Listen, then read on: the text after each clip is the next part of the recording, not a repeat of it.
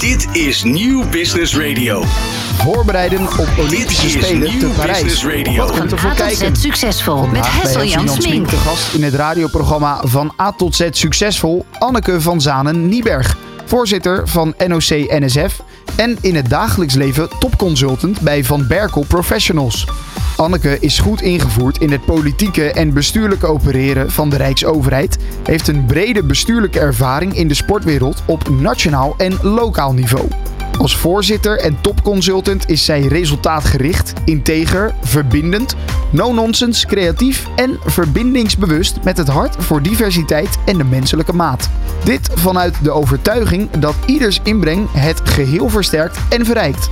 Zij is gewend om te gaan met complexe en bestuurlijke gevoelige vraagstukken, bewaart in alle situaties rust om verantwoord en in gezamenlijkheid te besluiten. Inmiddels is Anneke alweer meer dan vier jaar voorzitter van NOC-NSF.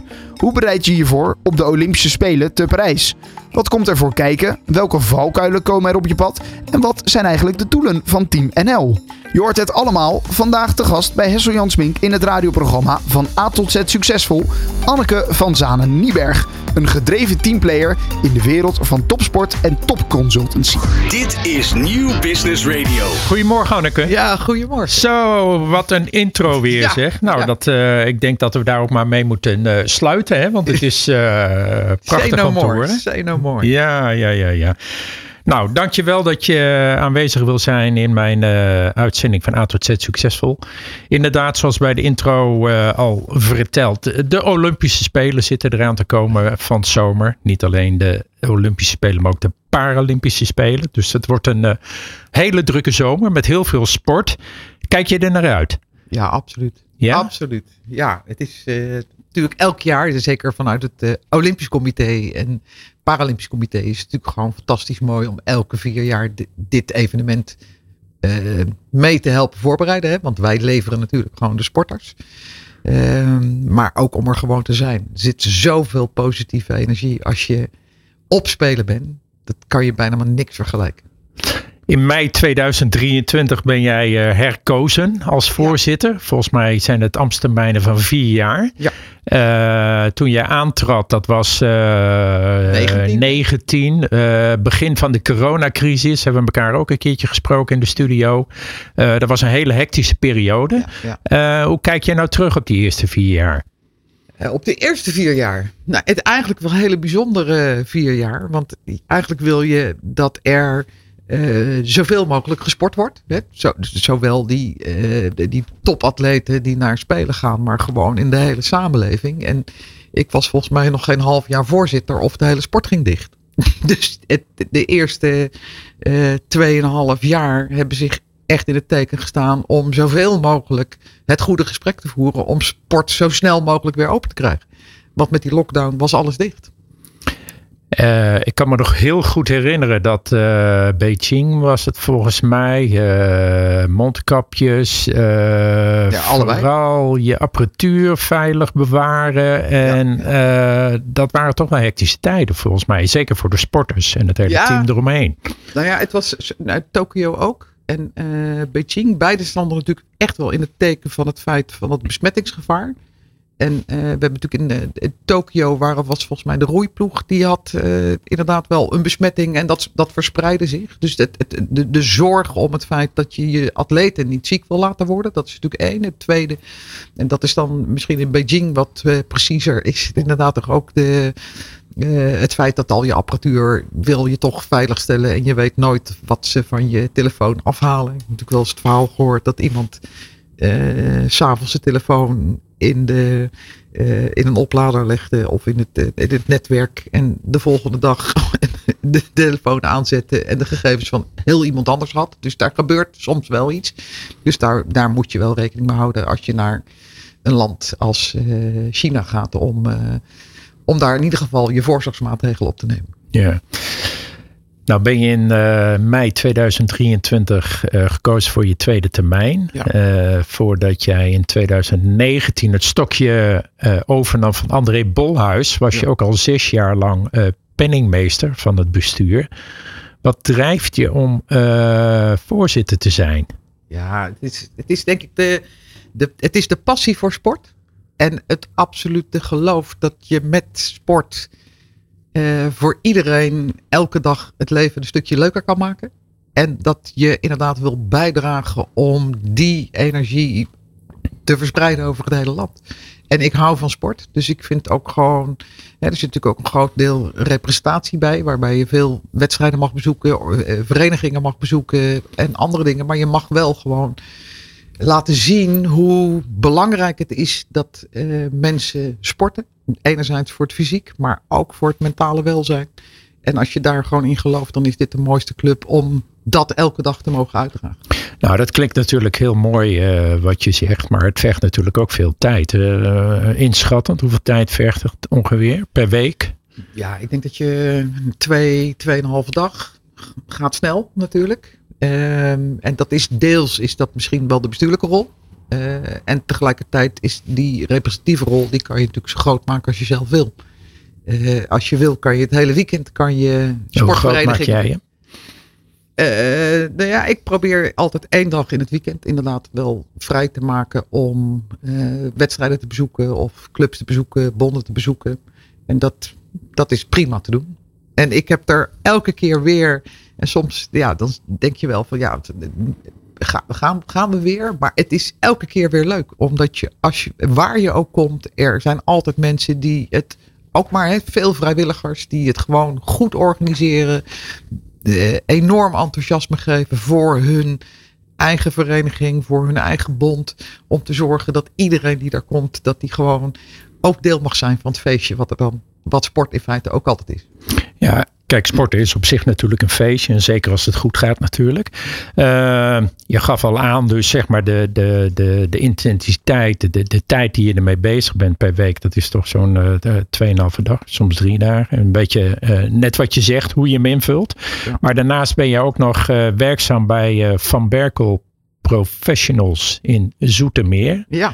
En daar sta jij bekend als topconsultant. Wat ja. doet een topconsultant eigenlijk? Ja, elke dag top zijn. Hè? Dat is natuurlijk het eerste. Ja, nee, in, in ja. feite toch de kennis en ervaring aan, aan twee kanten inzetten. Enerzijds voor de uh, collega's om daar waar er vragen zijn, om die te helpen. Uh, want soms is het ook, hè, we zijn met name. En werkzaam. voor de luisteraars, wat is jouw kennis en ervaring? Ja, ja, ja, ja. ik ben uh, opgeleid tot registeraccountant. Dus ik ben een, een auditor. Uh, en wij geven uh, veelal uh, advies en ondersteuning in het publieke domein. en dat vraagt soms ook nog wel specifieke ehm, nou ja, kennis, ervaring om hoe adviseer je nu eigenlijk het beste? Wat kan je dan doen? Hoe kun je dat doen? Dat is de ene kant. En de andere kant is dat je natuurlijk ook, hè, we zijn een commercieel bedrijf, dus soms moet je deuren openen om een opdracht binnen te halen. En dat is ook gewoon uh, ja, een rol die ik ook vervul. Dus ik, het is een beetje een mix van aan de ene kant soms zelf dingen doen. Uh, want ze vragen mij ook wel eens om uh, sessies te begeleiden. Of om een, in een bepaalde audit gewoon toch de kennis in te brengen. Om ervoor te zorgen dat projecten afgerond worden. en tegelijkertijd ook weer mensen ondersteunen om anderen beter te maken dan nog beter te maken dan ik zelf ooit ben geworden. En in je dagelijkse werkzaamheden als uh, auditor of als uh, olie tussen de raderen, om het maar even zo te zeggen. Hoe vaak komt daar ook uh, jouw rol als voorzitter NOC-NSF aan de orde? Want die twee kun je niet helemaal los zien van elkaar.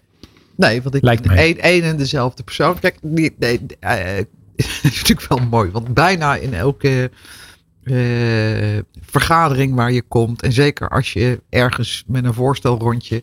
Dan zeg ik natuurlijk gewoon dat ik accountant ben. En dat ik inderdaad gewoon werkzaam ben bij, ben bij uh, Van Berkel Professionals. Maar de, zeker ook de andere vragen altijd. Maar hoe is het dan om voorzitter te zijn van NOC-NSF? En wat maakt Waar, waar, zit de verbinding? Want je kan niet twee verschillende personen zijn. En dan leg je ook gewoon uit in feite is dat ook gewoon ondersteuning geven, faciliteren, energie geven en gewoon proberen het andere te laten schitteren. En dat is in feite ook wat je doet als consultant. Dat je inderdaad je advies ook maakt. Nou, soms moeten wij als bestuur van NOC NSF natuurlijk ook besluiten nemen. Nou, dat wil je goed, zo goed mogelijk voorbereid hebben. Dus in feite zitten de parallellen er wel in dat je met dezelfde energie en passie dingen doet. En daarmee anderen en dat kunnen je collega's zijn, maar dat zijn zeker ook de, de opdrachtgevers, ze inderdaad sterker uit de strijd laat komen dan dat je erin ging.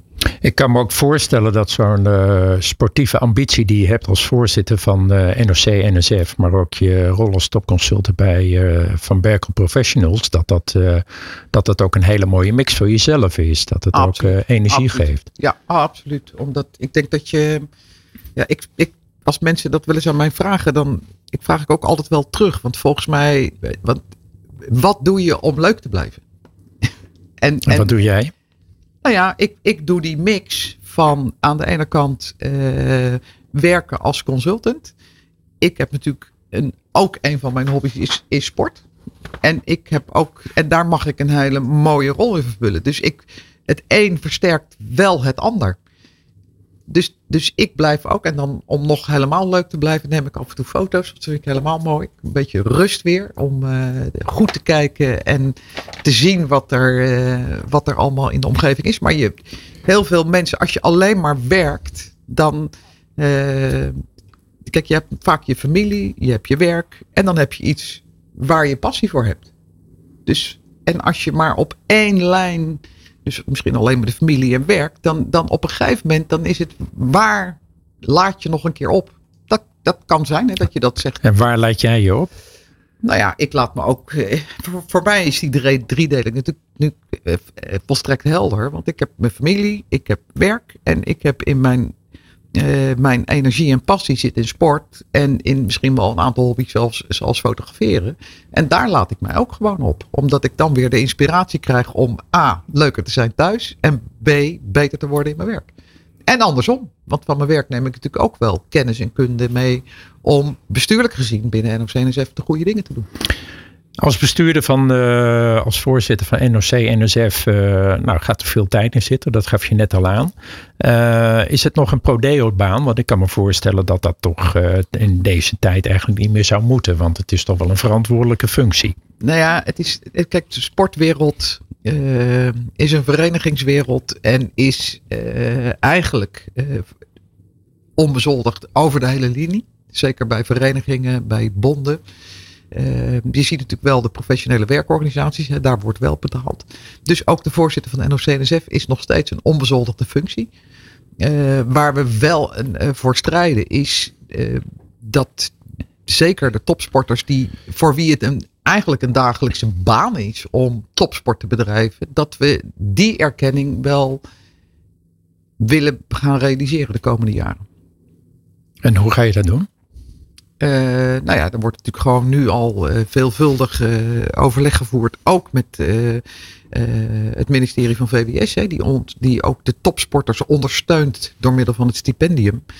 En die krijgen daar een, een soort een vergoeding, noem het een uitkering voor. Dat, wij noemen dat het stipendium. Maar dat is eigenlijk alleen maar voor de onkosten. Maar niet en dat vinden wij wel, wat zou wel echt erkenning mogen krijgen. Niet bijvoorbeeld voor het pensioenaandeel. En als jij 15 jaar, zeg maar even van je 18e tot je 33ste topsport bedrijft, bouw je dus al 15 jaar geen pensioen op. Vinden wij eigenlijk wel, terwijl zij wel iets ongelooflijk moois doen voor heel Nederland. Dus het zou toch ook wel terecht zijn dat als wij aan hen vragen om die arbeid te leveren, dat ze daar ook die waardering voor krijgen. En niet alleen het, het salaris erin zit, dus de vergoeding om je maandelijks kosten te betalen, maar dat er ook die pensioenvergoeding in zit, omdat ze later daar ook natuurlijk gewoon profijt van moeten kunnen hebben. Als je nu kijkt naar het uh, topsportklimaat in, in Nederland en de toppers die er rondlopen lopen en die ook naar de Olympische Spelen gaan, ehm, hoe kijk je daar op dit moment tegenaan? Maken we daar een positieve ontwikkeling in door? Stagneert het? Ehm, allemaal vragen die natuurlijk uh, uh, heel interessant zijn. Ja, dat is uh, zeker. Nou, ik denk dat wij, kunnen we natuurlijk wel met elkaar concluderen, dat we het hartstikke goed doen. zowel in de Olympische als in de Paralympische takken van sport. Ik denk dat we de afgelopen nou ja, 10 jaar, 15 jaar gegroeid zijn in de, eigenlijk de verdieping van de mensen die al goed waren. Maar dat we ook in de breedte gegroeid zijn. Dat er meer sporten op een hoger niveau zijn uitgekomen. Uh, dus ik denk dat we op een goede manier hebben gevonden om eh, atleten goed te ondersteunen. Uh, ze inderdaad de ruimte te geven om zich goed te kunnen ontwikkelen. En dat we daardoor zien dat, we, dat het ons lukt om op dat hoogste niveau te blijven. Dat gaat niet vanzelf. En dat hebben we zelf natuurlijk ook wel onderkend. Hè? Want je, als je alleen maar op presteren drukt en uh, daar de aandacht voor hebt, dan zijn misschien wel, uh, en onze chef of onze technisch directeur geeft dat natuurlijk heel netjes aan. Hè? Eigenlijk is een medaille moet wel glans hebben. Willen we er ook echt van kunnen genieten. Maar vooral de atleet ook ervan kunnen genieten. Dus we moeten echt wel zorgen dat ook die omgeving waarin die prestaties geleverd worden, dat die goed zijn, goed blijven. En dat, dat vraagt echt veel aandacht. En de derde pijler eigenlijk is dat we ook wel meer willen laten zien wat de maatschappelijke waarde misschien wel is van, van deze medailles. Wat kan Nederland ervan leren? Dat wat deze atleten allemaal doen. Niet, niet iedereen in Nederland kan Olympische atleet worden. Maar een aantal van de principes die zij hanteren door eh, nou ja, van hun passie daar inderdaad ook vol voor te leven. En een aantal dingen gewoon heel goed in te regelen. Dat heeft nadrukkelijk wel zijn uitstraling op de Nederlandse samenleving. Wat voor een uitstraling het heeft op de Nederlandse samenleving, daar komen we zo meteen zeker op terug. Wij gaan er even uit uh, voor een korte muziekbreak. En dan uh, ga ik het graag met jou hebben over de Olympische Spelen in Parijs aankomende zomer. En uh, ik ben ook wel benieuwd wat de goals zijn. Hoeveel medailles gaan we halen? Dit is Nieuw Business Radio. Van A tot Z succesvol met Hessel Jan Smink. Vandaag bij mij te gast Anneke Vazane Nieberg. En zij is de voorzitter van NOC-NSF. Uh, eh, voor de break hebben we het al uh, even kort gehad over een uh, stukje intro. Maar ook kijkend naar het perspectief van de sporters. Wij gaan het zeker hebben nu over het, ja, hoe, hoe gaat Team NL doen. Maar ook het managen van verwachtingen. Omgaan met druk opbouwen van een sterk ondersteunend netwerk. Als we even bij uh, het eerste stilstaan, uh, hoe staat Team NL er op dit moment voor? Nou, volgens mij uh, gaat het goed. je ziet inderdaad dat er in het afgelopen jaar natuurlijk al meerdere sporters en teams zich hebben gekwalificeerd. Ehm, en de komende periode zullen daar nog mensen bij komen. Je hebt natuurlijk al, er zitten verschillen in. Hè? Sommige teams die moeten zich kwalificeren. Nou, de hockeydames en de hockeyheren hebben zich uh, gekwalificeerd vorig jaar op het WK volgens mij, of het EK. Waterpolendames idem, idem dito. Maar de handbaldames moeten eh, binnenkort een OKT spelen. De voetbaldames die moeten nog een, een, een, een, wedstrijden spelen. Volgens mij een wedstrijd tegen Spanje. Eh, 23 februari, zeg ik uit mijn hoofd. Dus je ziet dat een aantal ploegen kunnen zich nog kwalificeren voor andere sporten. Zoals uh, uh, judo, zeilen. daar zie je, en volgens mij tennis ook. Tennis gaat is gebaseerd op ranglijsten. De, uh, bij zeilen mag er één per categorie. Dus daar zit het soms nog in de kwalificaties. Geldt ook voor judo. Dat de kwalificatie nog onderling is tussen de Nederlandse sporters. Dus daar heb je gewoon startbewijzen. Dus het is allemaal. Uh, maar we, we, we gaan uh, gestaag de goede kant op. En het is heel fijn dat er al meerdere zich gewoon gekwalificeerd hebben. Wat betekent dat ze naar, in aanloop naar de Spelen wat rustigere voorbereiding hebben. Want als je natuurlijk nog heel laat je kwalificatie moet realiseren, dan ja, dat is voor een voorbereiding niet altijd optimaal. Maar volgens mij staan we er goed voor, zowel Olympisch als Paralympisch. En uh, verwachten wij weer dat we een ongelooflijk mooie uh, en ook grote ploeg zullen hebben in Parijs. Ja, want de voorbereidingen voor de Olympische Spelen zijn natuurlijk altijd uh, complex, uitdagend proces ook. Uh, maar zeg maar met de juiste aanpak en samenwerking uh, kunnen de Nederlandse atleten denk ik hun potentieel zeker maximaliseren. Maar hoe organiseer je dat binnen NOC en NSF? Want je hebt een chef de mission voor de Olympische ploeg, Pieter van der Hogeband. Ja. En je hebt voor de Paralympisch, Paralympische heb je Esther Vergeer. Ja. Uh, krijgen die de vrije hand? Uh, hoe gaat dat proces in zijn werk? Je ziet wel heel duidelijk dat de, noem het maar eventjes, de professionele werkorganisatie van NOC-NSF, dus onder leiding van de technisch directeur André Katz, dat die wel het voortouw nemen om alle verschillende sporten en eh, ploegen, dan wel individuen, eh, in samenwerking zo goed mogelijk voor te bereiden. En de rol van de chef is natuurlijk heel nadrukkelijk om te zorgen dat de ploeg een ploeg wordt. Uh, en ook inderdaad de ploeg te vertegenwoordigen uh, richting het IOC. Die hebben ook in de voorbereiding altijd wel een aantal sessies met alle chefs de missions. Zodat iedereen weet wat er in Parijs gaat gebeuren. Dus je ziet wel nadrukkelijk dat de technische verantwoordelijkheid bij de technische staf van NOC-NSF ligt. Uiteraard samen met de technische staf van alle bonden. Want die hebben natuurlijk de specifieke sportspecifieke kennis. En uh, dus dat is eigenlijk wel een uh, harmonieus geheel. En, maar, maar wel met heldere taken voor de verschillende uh, actoren. Dus de chef is echt nadrukkelijk voor de verbinding binnen de ploeg en de inspiratie. En als je daar bent, dan is altijd de chef wel voor de, ik, ja, voor de sfeer zou bijna te makkelijk zijn, maar wel voor het klimaat van het team, binnen het team. En dat de technische kant zit echt bij de technische, de technische directeuren en de technische staf van de bonden en van de individuele teams in samenspraak met de technische staf van de NOC-NSF. André Kat als uh, technisch directeur. Natuurlijk ook een man met uh, veel ervaring. Uh, empathisch, ook een warme man. Ehm, zeker ook, denk ik, passend in de cultuur die jij met name met jouw team ook voorstaat. Is er een verschil waarneembaar ten opzichte van zijn voorganger Maurits Hendricks? Ja, Kijk, dat is, het, het, is bijna dezelfde vraag. Is er een verschil tussen mij en mijn voorganger? Ja, er zitten natuurlijk Die altijd. kunnen we zo meteen doen. Ja, ja, er zitten natuurlijk altijd soort persoonlijke verschillen in en persoonlijke accenten. Nou, het, het, gaat niet alleen om persoonlijke verschillen. Het gaat natuurlijk ook om een cultuur die je nastreeft. Nou, dan zoek je natuurlijk ook de, de bepaalde personen bij. Dus. Ja, maar zeg maar, volgens mij, kijk, uh, je ziet heel nadrukkelijk dat, uh, en in die periode was ik natuurlijk penningmeester bij NOC-NSF. Uh, dat ben ik 2010 geworden. En daar is toen een hele nadrukkelijke keuze gemaakt dat wij als uh, land en als vanuit het NOC-NSF dat we heel graag bij de top 10 van de wereld wilden behoren als topsportland. En dus hebben we aan, ook aan Maurits gevraagd om daar in ieder, de, de voorwaarden voor te creëren. Dat betekende ook dat hij op een aantal punten gewoon echt wel harde besluiten heeft moeten nemen. Van het ene programma zit wel in die ambitielijn en sommige programma's zijn afgevallen.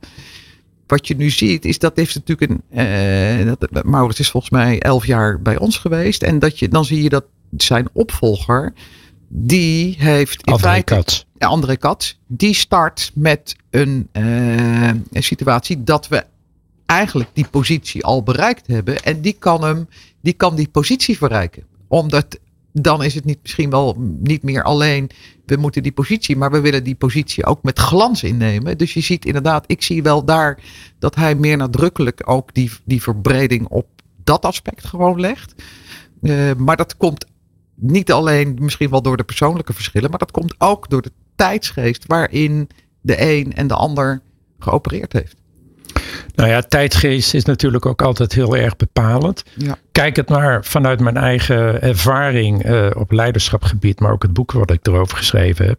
Kijk, als ik kijk naar een aantal kenmerken, je bent resultaatgericht, uh, je bent integer, verbindend, authentiek, no-nonsense, creatief en veranderingsbewust. Ja. Dat heb je zelf opgeschreven. Ja. Mijn uh, opvatting is, is dat de baas van de toko, zeg ik altijd maar zo, Ja.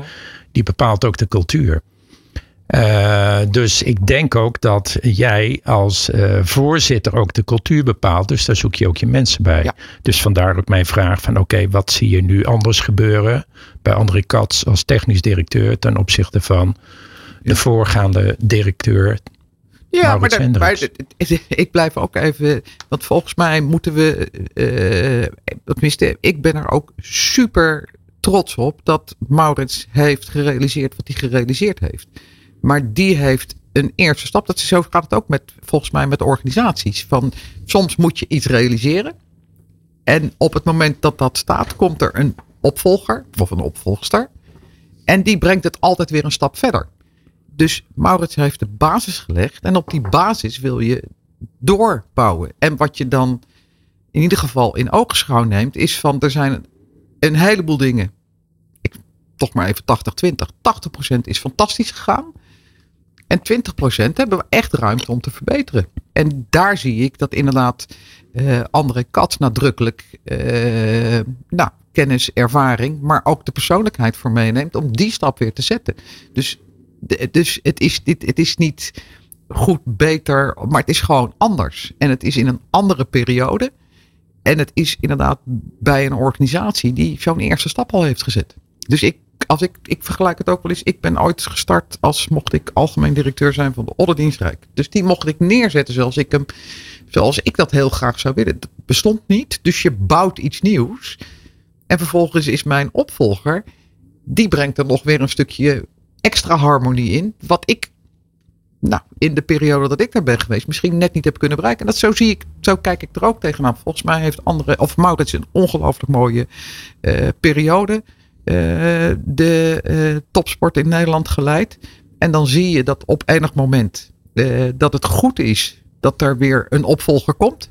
André Katz, die heeft een aantal andere eigenschappen dan, dan Maurits heeft. Maar komt ook in een andere situatie dan waarin Maurits begon. Dus ik, ik vind, ik, ze hebben allebei hebben ze ongelooflijk veel kwaliteiten. En volgens mij zijn ze allebei op het juiste moment bij ons in huis. Als je nou kijkt naar uh, de voorbereidingen. Uh, waar staan we nu in de aanloop naar de Olympische Spelen? Wat moet er allemaal nog gebeuren? Nou ja, het is, voor ons wordt het sowieso natuurlijk een hele bijzondere op, Olympische Spelen. Omdat we voor het eerst naast de ploeg. Wat aan de ene kant een behoorlijk geoliede machine is. Hè? Hoe je de, het, team voorbereidt met sessies en onder leiding van de chef de mission. Hoe je zorgt dat de laatste puntjes op de i gezet worden voor de ploeg om zich te kwalificeren of voor de individuen. Maar naast die operaties hebben we nu ook het Team NL-huis. Voorheen zei iedereen een Holland Heinekenhuis. Dat was onder regie en verantwoordelijkheid van Heineken. Die verantwoordelijkheid hebben we Hè, wij waren te gast op ons eigen feestje, zeg ik dan nog wel eens. Uh, overigens een heel gezellig feestje. Maar we gaan nu dezelfde verantwoordelijkheid nemen voor de, het Team NL-huis. Eh, dus er is ook een gedeelte van de organisatie, uh, met name Jochem, Schellens van, Jochem Schellens van het Hotel- en Congrescentrum Papendal, die de verantwoordelijkheid neemt om het hele Team NL-huis neer te zetten. Wat natuurlijk weer net zo mooi moet zijn, zo niet beter of anders dan dat het Holland Heinekenhuis was? Nou, waarschijnlijk gaat het allemaal beter worden. Uh, daar ga ik vanuit. Uh, ja, het feestje wordt natuurlijk altijd uh, intenser, mooier als de medailles gehaald worden. Ja. Ehm, zijn er bepaalde verwachtingen hoeveel gouden, zilveren, bronzen medailles er gehaald gaan worden en wie gaat ze halen? Vertel er eens iets over. ja, zeg maar, wij zeggen eigenlijk altijd, ik weet dat Maurits zei altijd uh, de vorige spelen plus één. Uh, dat is de ambitie. Uh, er is ook die top 10 ambitie waarvan, waarvan dan ook wel weer wordt gezegd, maar die hebben we al gehaald, dus moet het niet top 5 worden. Ja, volgens mij voor ons is altijd het belangrijkste dat alle atleten die erheen gaan, die al in principe gewoon winnaars zijn. Hè? Als je op de Olympische Spelen mag, mag sporten, dan ben je eigenlijk al een winnaar. Uh, want kijk maar hoe hoog de kwalificatie-eisen zijn. En wij zeggen eigenlijk altijd dat wij moeten ervoor zorgen dat elke atleet die daar is, op de dag dat ze moeten presteren, de beste prestatie neerzet die hij of zij in huis heeft. En als ze dat doen, dan is de kans op een top 8, top 3 klassering is buitengewoon hoog. Maar wij proberen de randvoorwaarden te creëren dat ze op de dag dat ze moeten presteren, dat ze de beste prestatie neer kunnen zetten. Je zegt uh, net. Dus dat is één. Dat is één. En het tweede is, want daarom wil ik toch even ook dat, dat Team Nijlhuis wil noemen. Want we, we hebben altijd natuurlijk, hè, de, de, de, focus is altijd natuurlijk op de uh, sporters die medailles halen. Ik zou het ook, of we vinden het ook heel mooi om ook de sporters die misschien net niet die medaille halen, om die ook inderdaad te laten shinen in zo'n Team NL-huis. En ook de coaches. Want waarom alleen de, coaches die dragen natuurlijk ongelooflijk bij aan de prestaties die, die de atleten leveren. Helemaal terecht, zij moeten het doen. Maar ook daar, dus we gaan ook wel wat meer ruimte creëren om degene die net niet die medaille halen, maar en ook de mensen die er voor gezorgd hebben dat, eh, dat de medailles gehaald kunnen worden, dat we die ook in de spotlight kunnen Nou, dat klinkt eh, heel mooi, hè? Mensen laten shinen. Of je eh, nu wel of geen goud haalt dan. dus dat, dat klinkt heel interessant. We gaan er heel even tussenuit voor de muziekbreak. En dan komen we graag weer bij jou terug. En dan ben ik toch wel benieuwd hoeveel medailles er toch daadwerkelijk gehaald gaan worden. Dit is Nieuw Business Radio. Van A tot Z succesvol met Hessel-Jan Smink. Anneke van Zanen-Nieberg, voorzitter NOC-NSF, die zit tegenover mij. Anneke, Ja. Eh, we zijn goed op dreef. Eh, de samenwerking gaat goed. We zijn onderweg naar de gouden medaille. Maar voordat we dat doen, is vertrouwen eh, natuurlijk ook heel belangrijk. Maar eh, voordat we dat eh, met elkaar mogelijkerwijs gaan bespreken, ja. Wil ik toch iets eh, aan jou voorleggen. Ja. Eh, we hebben het rad van A tot Z succesvol hebben wij voor jou staan. ja. En hij is al, eh, je had al een zwengel gegeven aan Ja. het rad. En ik zie dat hij uit is gekomen op de V, dus van vertrouwen. Dus laten we even luisteren. ja. Je bent uitgekomen op de letter V. De V van vertrouwen geven en krijgen. In de psychologie wordt vertrouwen omschreven als geloven dat de persoon die men vertrouwt zal doen wat men van hem of haar verwacht. Hoe mooi is dat? Belangrijk bij het leiden en verwerken van verliezen is dat je vertrouwen blijft houden. Als je verantwoordelijkheden geeft, hoort ook het geven van vertrouwen erbij. Ook als er dingen niet goed gaan. Maar ook als het slecht gaat of als jij fouten maakt, is het belangrijk dat je teamleden vertrouwen blijven houden in jou. Sta regelmatig stil bij de vraag: welke gebeurtenis of ervaring heeft jullie team sterker gemaakt? Maar ook, hoe heb jij dit ervaren en wat heb je van deze gebeurtenis of ervaring geleerd? Door consistent te handelen geef jij het goede voorbeeld aan je teamleden. Ze weten wat ze aan je hebben. Daarom willen ze graag voor jou werken. De V van vertrouwen helpt je hierbij. Interessant ook bij het vergroten van vertrouwen zijn de letters R van respect en de G van gevoelens uiten. Een tip die ik je graag wil meegeven: vertrouwen is de verantwoordelijkheid nemen voor de keuzes die je maakt. Te weinig vertrouwen in anderen heeft vaak te maken met een te laag zelfvertrouwen. Heb vertrouwen in jezelf en de rest zal volgen. Een succesvolle quote om nog eens bij stil te staan. Vertrouwen is een kracht bezitten die sterker is dan je angsten. Vertrouwen is een kracht bezitten die eh, eigenlijk sterker, groter is dan je Angst. meest, meest verschrikkelijke angsten soms. Ja. Reageer er eens op. Vertrouwen. Ja, ik, ik, ik vond de tekst heel mooi en deze vind ik dan wel weer heel ingewikkeld. Want ik denk niet zo in termen van angsten.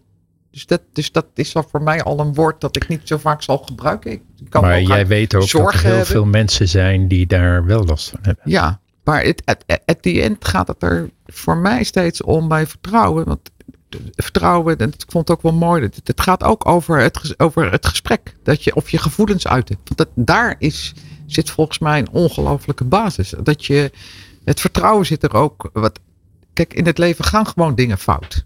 Dat is, dat, en dat kan gewoon gebeuren. En dat kan ook met sport gebeuren. Maar het gaat erom dat je aanspreekbaar bent en blijft op hetgeen wat er gebeurt. En niet eh, jouw eigen handelen steeds als superieur of zo beschouwt. Want je, het is, je moet elkaar de ruimte geven om ook wel te vragen wat jouw handelen doet met die ander. Want alleen dan kun je het vertrouwen in elkaar blijven behouden. Want anders denkt die van ja, weet je, ze, ze gaat gewoon er eigen gang en heeft helemaal geen enkele vorm van compassie of begrip voor wat er met ons gebeurt. Dus ik, het gaat mij dan misschien nog niet eens zozeer om die angst, maar het gaat mij wel om de wederkerigheid en het feit dat je er, eh, je moet het ook elke dag eigenlijk verdienen, dat vertrouwen. En als je nu kijkt naar jouw bestuur, hè, welke gebeurtenis uh, heeft jullie als bestuur eigenlijk sterker gemaakt, waardoor het vertrouwen gegroeid is? Kun je daar een voorbeeld van geven? Nou ja, ik, ik, ik ga eerst op een andere relatie, want voor ons bestuur is het natuurlijk ongelooflijk belangrijk dat wij een uh, goede relatie hebben met de directie. Omdat in feite de directie is de, die zijn verantwoordelijk voor de dagelijkse aansturing van de hele organisatie van NOC-NSF, rond de 225 man. Dat doen wij niet. Dus in feite is voor ons is de belangrijkste strakel is om met de uh, algemeen en financieel directeur, om daar de relatie goed op, op, goed te hebben. Dus wat ik ook ken, Mark van der Tweel is de algemeen directeur, uh, John Bierling financieel directeur. Ik spreek vaak met uh, Mark, in ieder geval wekelijks. Maar het is ook, soms krijg ik vragen waar ik in feite pas nadat ik hem gesproken heb antwoord op kan geven. Of wil geven. Juist omdat als ik soms te vroeg antwoord, neem ik zijn verantwoordelijkheid over. En soms verwijs ik ook van, ja, je kan aan mij de vraag stellen, maar ik ga je echt vragen om met Mark te spreken. Want anders ga ik zijn rol weer overnemen. En dat is het vertrouwen wat wij onderling moeten hebben. Dat je niet uh, dingen doet die eigenlijk door de ander onder, onder de verantwoordelijkheid van de ander vallen. Dat is binnen een bestuur van NOC-NSF ongelooflijk belangrijk. Omdat je anders krijgt dat uh, externe partijen of externe mensen de, de, organisatie over gaan slaan. Dus ik vind daar, daar zit een enorm uh, belangrijk, uh, belangrijke schakel in het vertrouwen tussen bestuur en directie. Dus dan is, kom je vervolgens en hoe zorg je er dan voor dat uh, je binnen, dat, binnen het bestuur dat vertrouwen hebt. Dat is ook toch om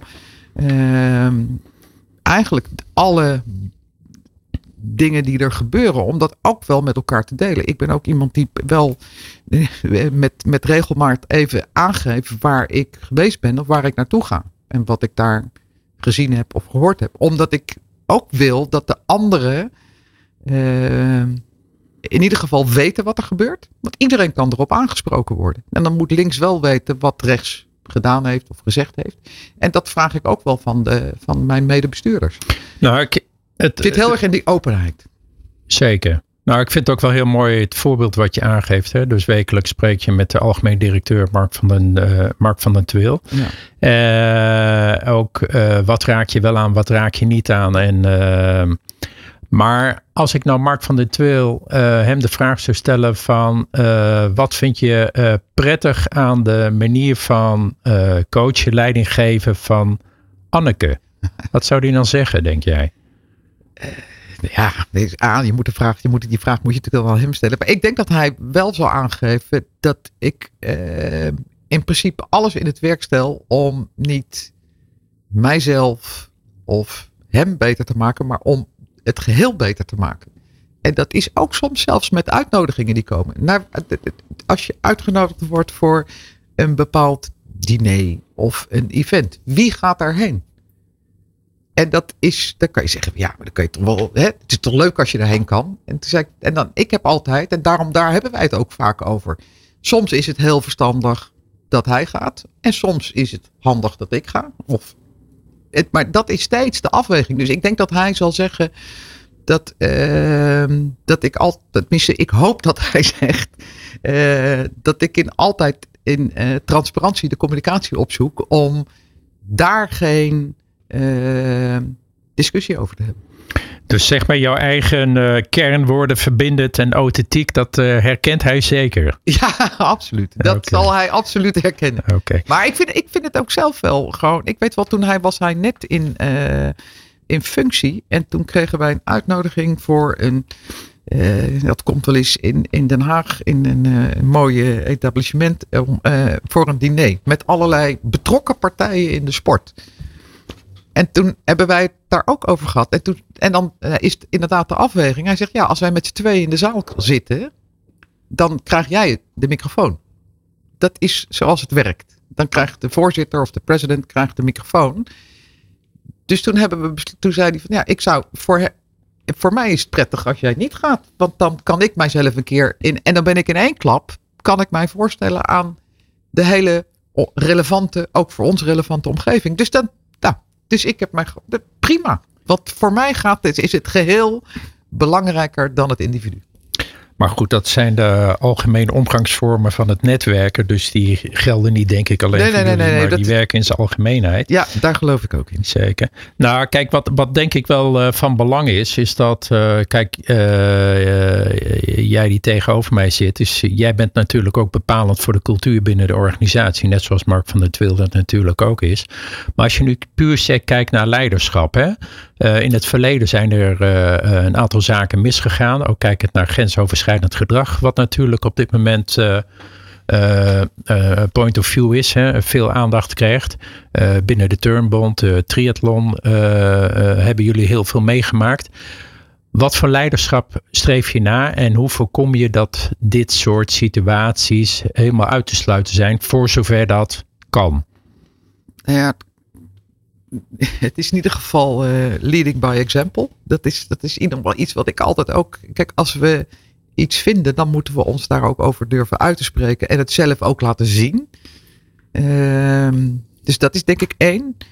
En uiteindelijk gaat het ook over een. ehm, de verbinding leg je alleen maar als leider op het moment dat je open staat voor hetgeen die ander wil zeggen. Want dat is natuurlijk eh, eh, wat ik in ieder geval ook vanuit al de eh, buitengewoon, eh, nou ja, hartverscheurende verhalen, ook uit de, het turnen en misschien zelfs wel vanuit het hockey en vanuit het triathlon, dat je dan dat je hoort dat mensen zich niet gehoord voelden. En dat vind ik iets wat ik mijzelf altijd wel heel erg aantrek. Hoe kan het nou zijn dat mensen dit tegen je zeggen en je dan niet het idee hebt of dat er dan geen dat je moet handelen? Dus ik vind ook het is het openstaan voor eh, en de reflectie erop. En misschien dat er ook wel eh, eh, dingen zijn gebeurd waar je niet had de boek veranderd. Maar de, dat, dat is wat mij heel erg bezighoudt. Van als mensen naar mij toe komen, en dat is wat ik ook probeer. We, we hebben gezegd, wij vinden dat er gewoon een soort zero tolerance is. Dus als mensen mij erop aanspreken dat zij het gevoel hebben dat dat bij hen niet gebeurt, dan ga ik altijd aan. Omdat ik vind dat Waarom we ga daar je aan? omdat het me raakt, omdat het eh, volgens mij de basis ook is nou ja, voor vertrouwen.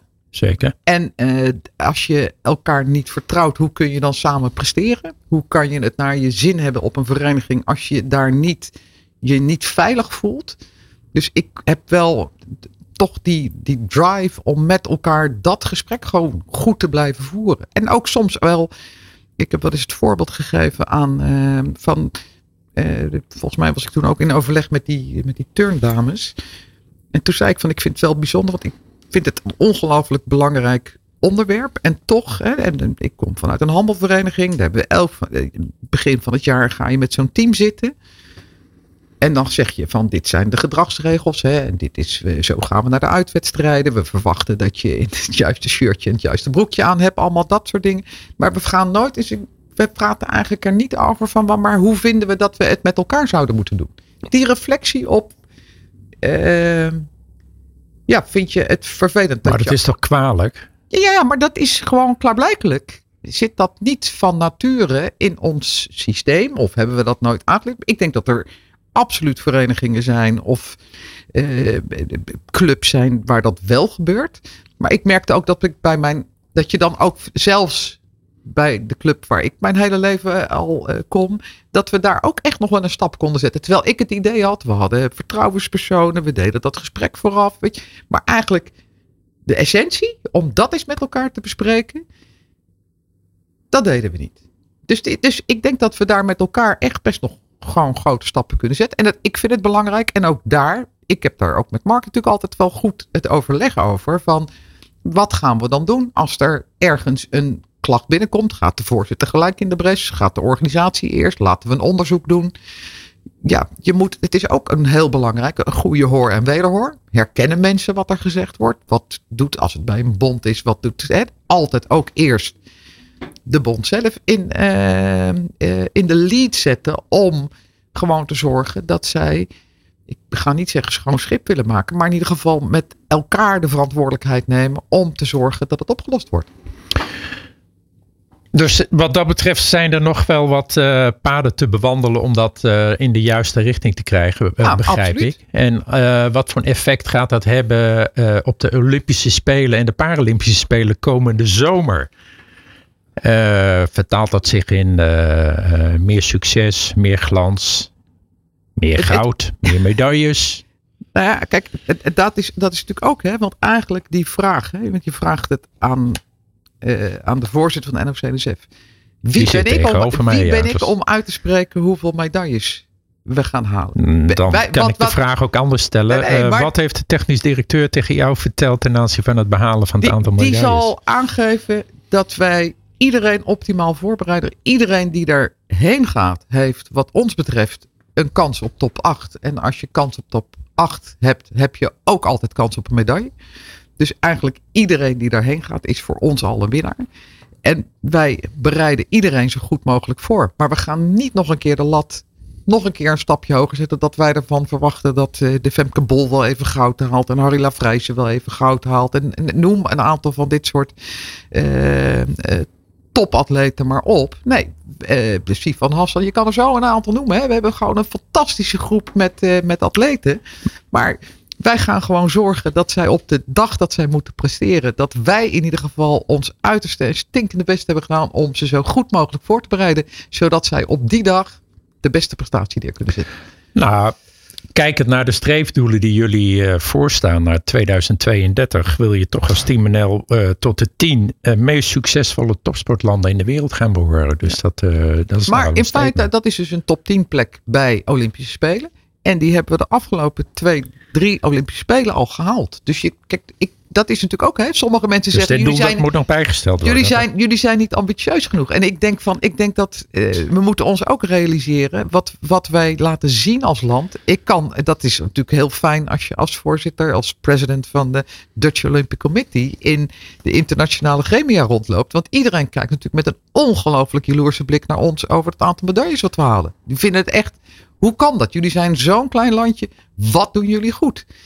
En wij zijn natuurlijk zelf altijd kritisch op wat we doen. Maar we doen een aantal dingen gewoon echt ongelooflijk goed. En het is ook inderdaad, dat is niet alleen de, de, de trainers. Maar het is ook het is de hele staf eromheen. Die maakt dat we in ieder geval ons uiterste en stinkende best doen. Om mensen op een rustige manier zo goed mogelijk voor te bereiden. Op een immens grote prestatie. Nou, dat is zeker ook een, eh, een, een, eh, een, een compliment naar, eh, naar jou als voorzitter, maar ook naar jouw eh, bestuur, Maar organisatie. ook naar de bonden. Hè? En Zeker, zeker. Alles, alles mag mee. Ja, want jullie dromen echt van een Nederland waarin eh, iedereen geniet van sport. Hè? Want Ja. sport is passie, verbroederd. Ja. Sport is gezond. Sportiefste land van de wereld. het we sportiefste land van de wereld. Die mis ik nog op jullie streefdoelen, maar die Nee, komt nee, dat is, dat is de, dat is de over, overkoepelend. We willen Oh, eigenlijk het sportiefste Oh. land van de wereld worden. Oké, En daar staan een aantal doelen onder. En dat, één daarvan is die eh, top 10 ambitie. Maar de andere is ook dat we gewoon als alle Nederlanders gewoon de beweegdoelen halen. Dat we een x aantal keer per week gewoon bewegen. Want dat, die, die beweegdeelname, die neemt natuurlijk gewoon af. En dat heeft niet alleen implicaties voor eh, misschien wel uiteindelijk de top. Maar dat heeft natuurlijk ook imp- implicaties voor de gezondheid van Nederland. De vitaliteit van Nederland, zoals wij dat zeggen. Ik, eh, ik ben heel benieuwd. Ik eh, ben blij Maar dat hoeveel je... medailles denk jij dat we gaan halen? Dat is 28, 28. ja. Oké. Mooi. Dat eh, kan ik wetenschappelijk onderbouwen. Net zoals al die andere universiteiten die binnenkort ook met hun eh, prognoses gaan komen. Ja, ja, nee, die, die statistici die gaan echt komen in. Maar daar mag je mij op afrekenen hoor. Dus ja, dat, het is helemaal prima. Ik hoop dat we het overschrijden. Maar Dat is goed. als het Oh, zo ja, is. En wat denk jij zelf? Wat is jouw verwachting? Nou ja, ik, mijn verwachting is, is dat wij gewoon een fantastisch team hebben. wat de wereld weer versteld zal doen staan. Je vraagt aan mij hoeveel medailles gaan we halen. En dan vraag ik het aan jou. Ja, ja, ik begrijp het. ja. Anneke, ik eh, wil jou danken dat je bij mij in de eh, uitzending wilde was zijn. genoegen. Dankjewel. En eh, dat het een hele mooie Olympische Spelen mag worden. En ook Paralympische Spelen. En dat sport verbroedert. En dat het team wat naar eh, eh, Parijs gaat, dat die eh, met een heel goed gevoel teruggaat. Want daar ben ik volledig met je eens. Als er vertrouwen is en er is verbinding, dan verbroedert het. En dan is de kans op mooie successen heel groot. Dank voor het luisteren naar het radioprogramma van A tot Z Succesvol. Het radioprogramma die leiders inspireert om nog beter te worden in het managen of coachen van hun team. Iedere tweede donderdag van de maand tussen 11 en 12 uur te beluisteren op New Business Radio. Uiteraard kun je het programma ook via podcast terugluisteren.